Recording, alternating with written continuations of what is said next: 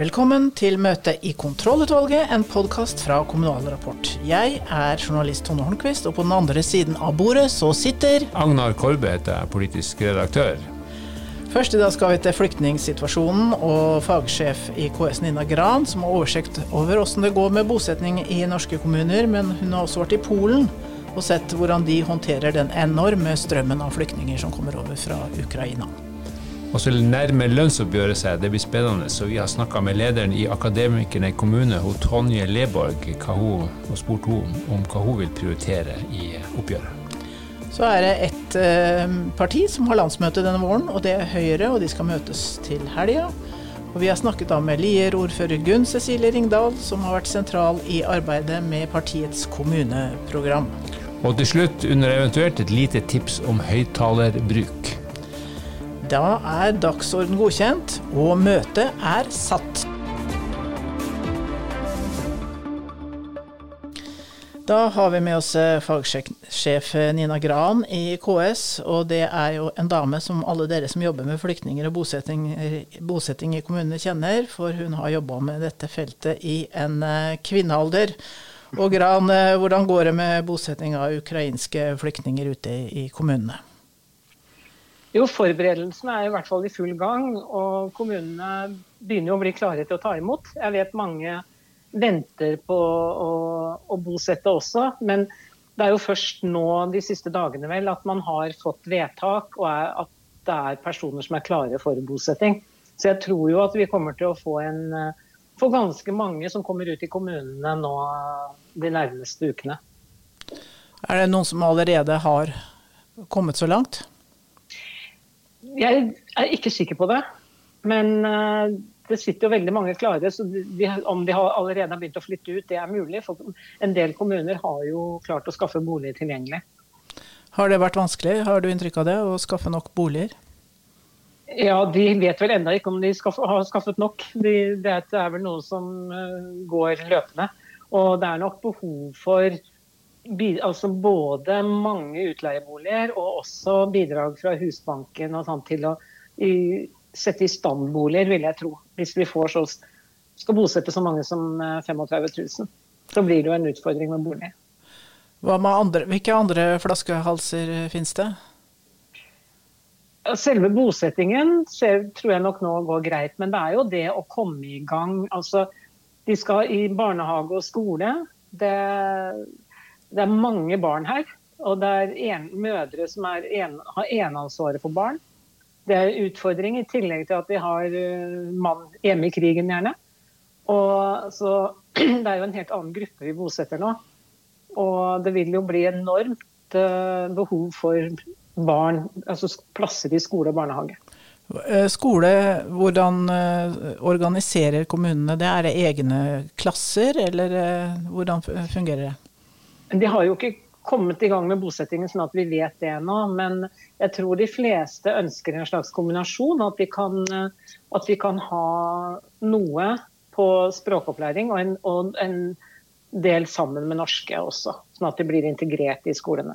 Vi hører at noen uh, følger med på skolen på en iPad fra Ukraina.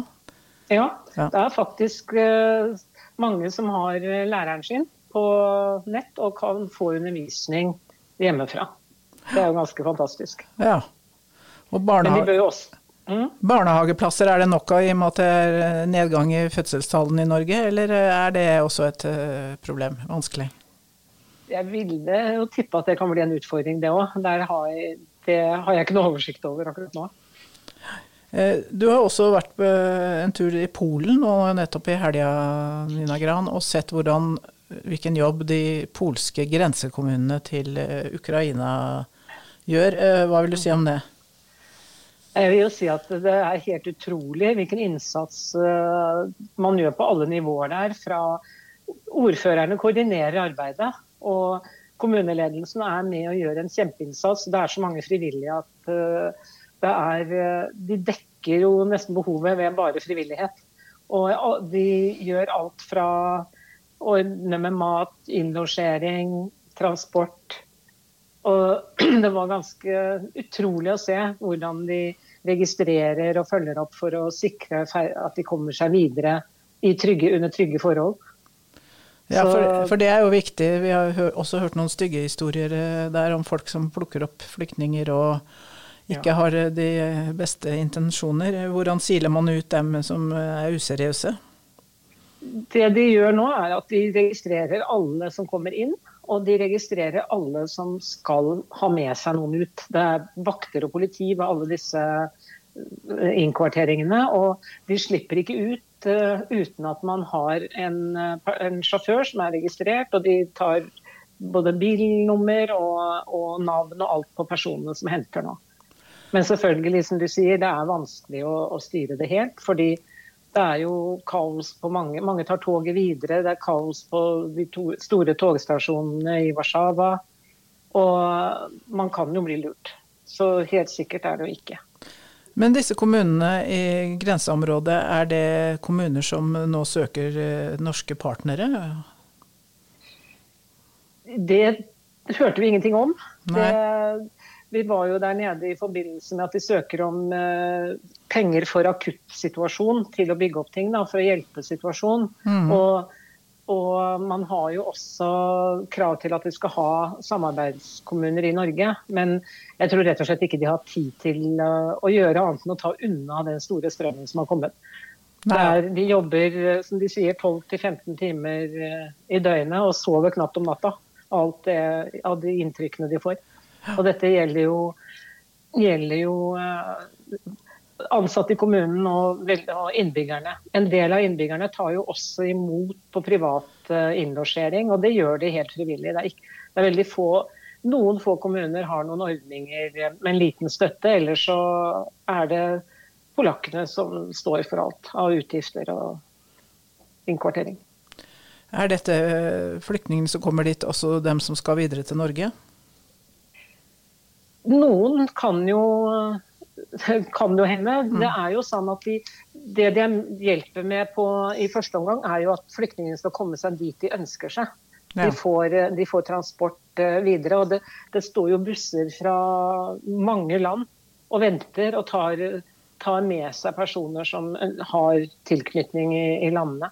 Det var jo disse, disse mottakene var jo nesten som en togstasjon hvor det sto hvilken buss som gikk da og da, og hvor mange ledige seter det var kunne man registrere seg og bli med. Ja, Så det var vel, velorganisert i Polen? Ja. Det, er, det, virker som kaos, men det er utrolig organisert i forhold til den enorme mengden de må ta seg av Ja. Det er godt. Vi kommer til å snakke mer med deg, Nina Gran, for dette her er ikke over med det første.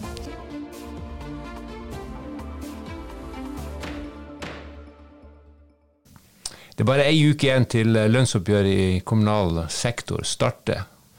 Og rundt dette forhandlingsbordet, hvor partene er samla, så sitter også Akademikerne kommune. Den foreninga representerer 25 000 medlemmer ansatte i kommuner og fylkeskommuner og kommunale virksomheter i det som kalles KS-området. Og vi har med oss deg, Tonje Leborg, du er leder for Akademikerne kommune. Velkommen til kontrollutvalget. Takk skal du ha. Er du spent? Ja, man er jo alltid litt spent foran eh, et lønnsoppgjør. Det er jo uh, mye som uh, kan skje, og høye forventninger til den jobben som vi i partene skal gjøre. Hva slags forhåpninger har du? Nei, altså Først og fremst så har jeg en forhåpning om at jeg går inn i et lønnsoppgjør hvor partene er åpne og ansvarlige, og hvor vi kan ha reelle forhandlinger. Uh, uten uh, å bruke frontfaget som en unødvendig rigid forutsetning. Men uh, når det gjelder lø altså løsning og, og, utfall av forhandlingene, så forventer jeg jo en reallønnsvekst for våre medlemmer, og at vi kan bruke de lokale løsningene i så stor som mulig grad. Nettopp for at kommunene kan tiltrekke seg den kompetansen som trengs. Du nevnte frontfaget. Skjer det noe med frontfaget som modell denne gangen? I dette oppgjøret? Nei, jeg har ikke oppfatta at det er noen som eh, vil eh, frontfagsmodell til livs, men det er praktiseringen av frontfagsmodellen som vi er kritiske til. Vi mener at den er en altfor rigid forutsetning for oppgjørene, og, og, den blir ikke brukt på den fleksible måten som, som, den er ment å brukes. Da. Den er jo ment å brukes som en norm over tid, sånn at, eh, sånn at kommunene kan bruke lønn som en fleksibel måte for å, for å tiltrekke seg den kompetansen både sentralt, men for oss først og fremst lokalt. da. Sånn at, eh, sånn at de lokale parter kan komme fram til gode løsninger og bruke lønn som et eh, personalpolitisk virkemiddel. Og ikke som en fase. Si, si, litt mer om de lokale forhandlingene. Dere er jo ivrige på det, mens en del av de andre forbudene syns det der er en uh, uting. Hvorfor syns dere det er bra?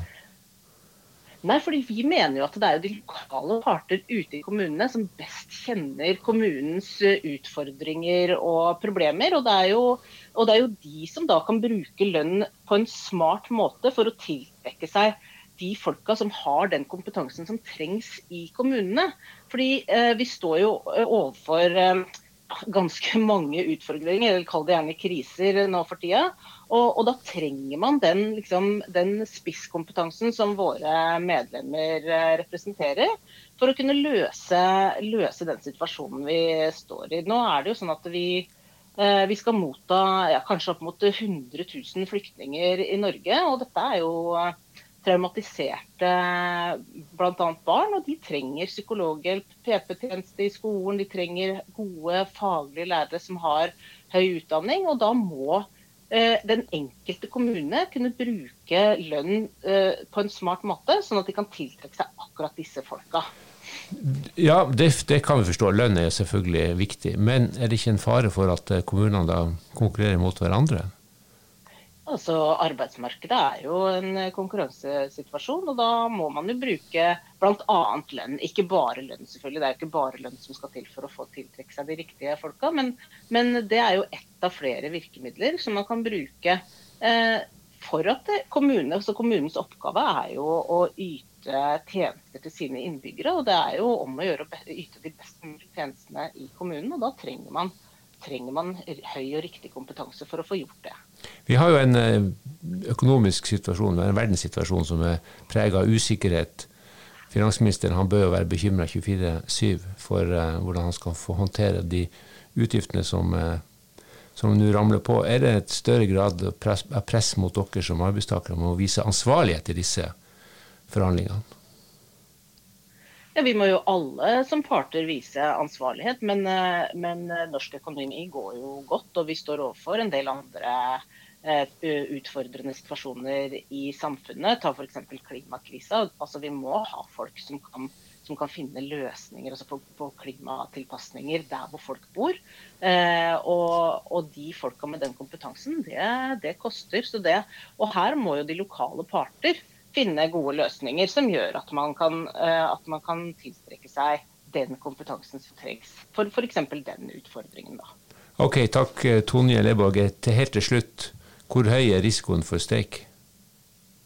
Altså, vi går alltid inn i et lønnsoppgjør med det mål om å finne en, en god løsning for våre medlemmer. Men uh, vi har en streikeberedskap. Det har vi alltid til hvert lønnsoppgjør. Sånn at, uh, men det er mye som skal skje eh, før den tid kommer. Så det vet vi ingenting om nå.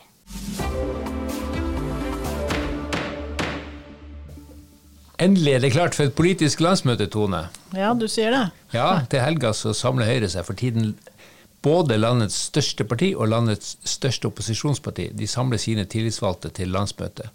Og En av de sakene som de skal behandle der, er en stor resolusjon om bedre lokalsamfunn. Det er altså fem tettskrevne sider om hva Høyre vil med kommunesektoren.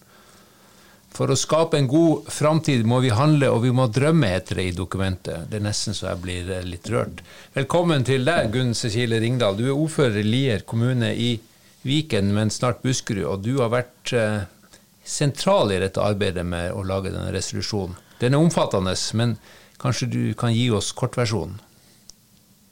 Tusen takk eh, skal du ha. Og eh, ja, det er jo hyggelig om jeg kan røre noen med Høyres eh, kommunepolitikk for framtida.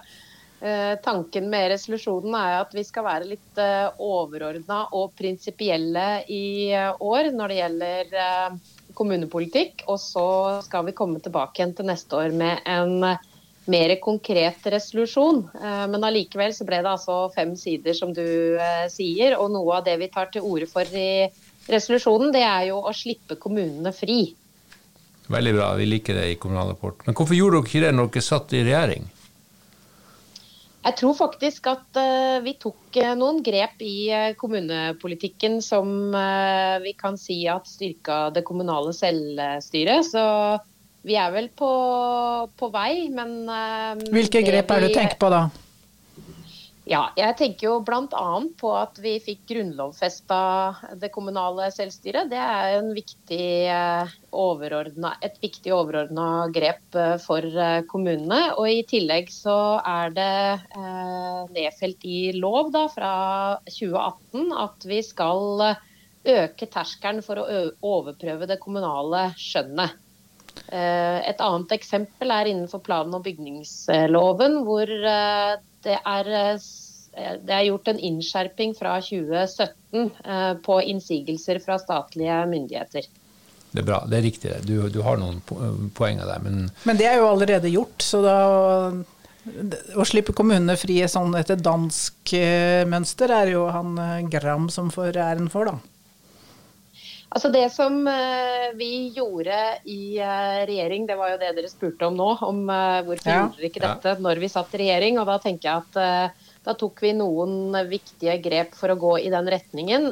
det Gram sa når han var KS-leder, det var jo at man burde i større grad slippe kommunene fri, eller øke det, det kommunale selvstyret.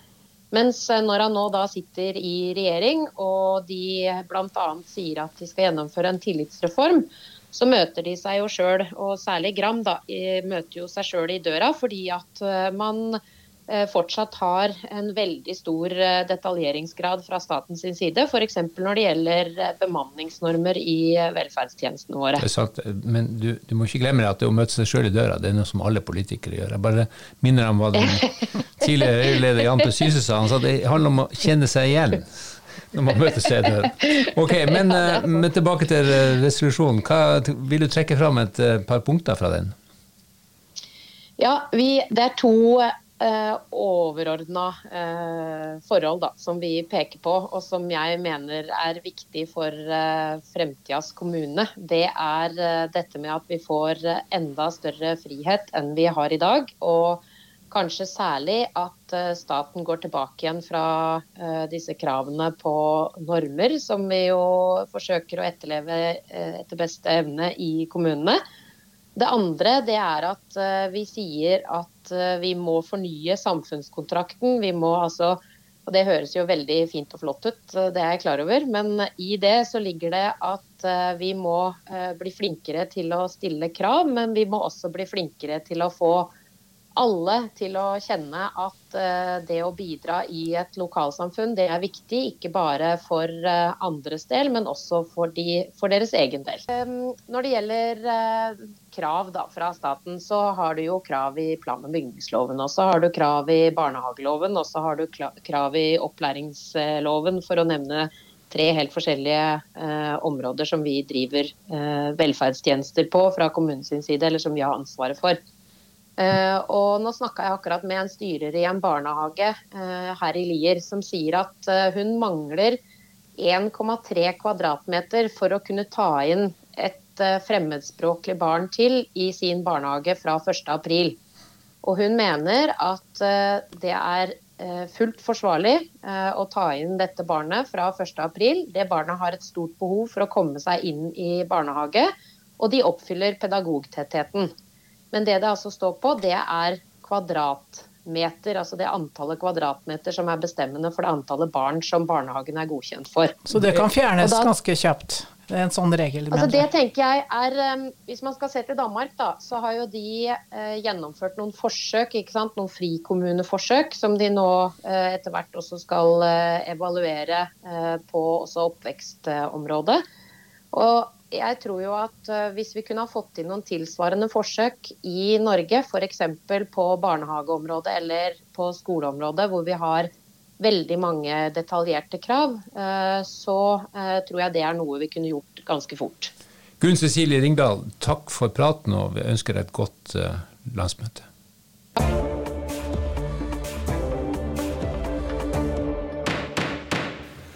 Da skal vi til en eh, felle som mange politikere har gått i, og som eh, kanskje har felt noen også. Det gjelder en ikke avslått høyttaler. Riktig. Eh, denne gangen er det Farsund formannskap som jo da går rett ut til folket via internettet. Og de skulle behandle en sak om en bro over Gislefoss. Og grunneier der heter da Kristen Gislefoss.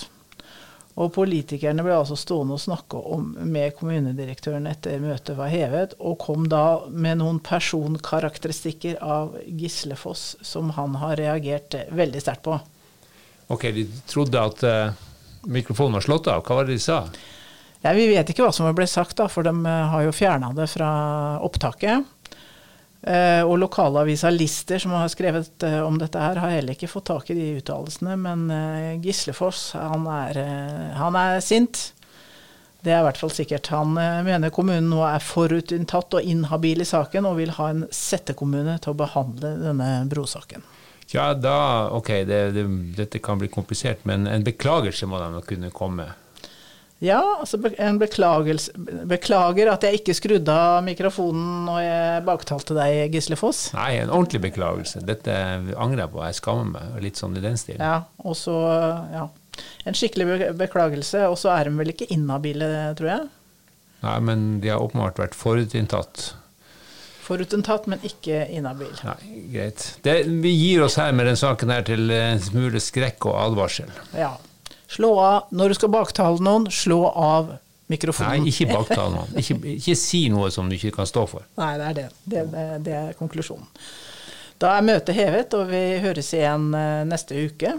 Det gjør vi, og eh, vi må si at det var vi to, Tone Holmquist og Agnar Korbe, som var programledere og styrte teknikken. Britt Sofie Hestvik er ansvarlig for det vi finner på i poden og ellers. Eh, følg med på vår nettavis og vår ukeavis. Abonner på våre nyhetsbrev, og rate oss i podkastspilleren din. Vi høres.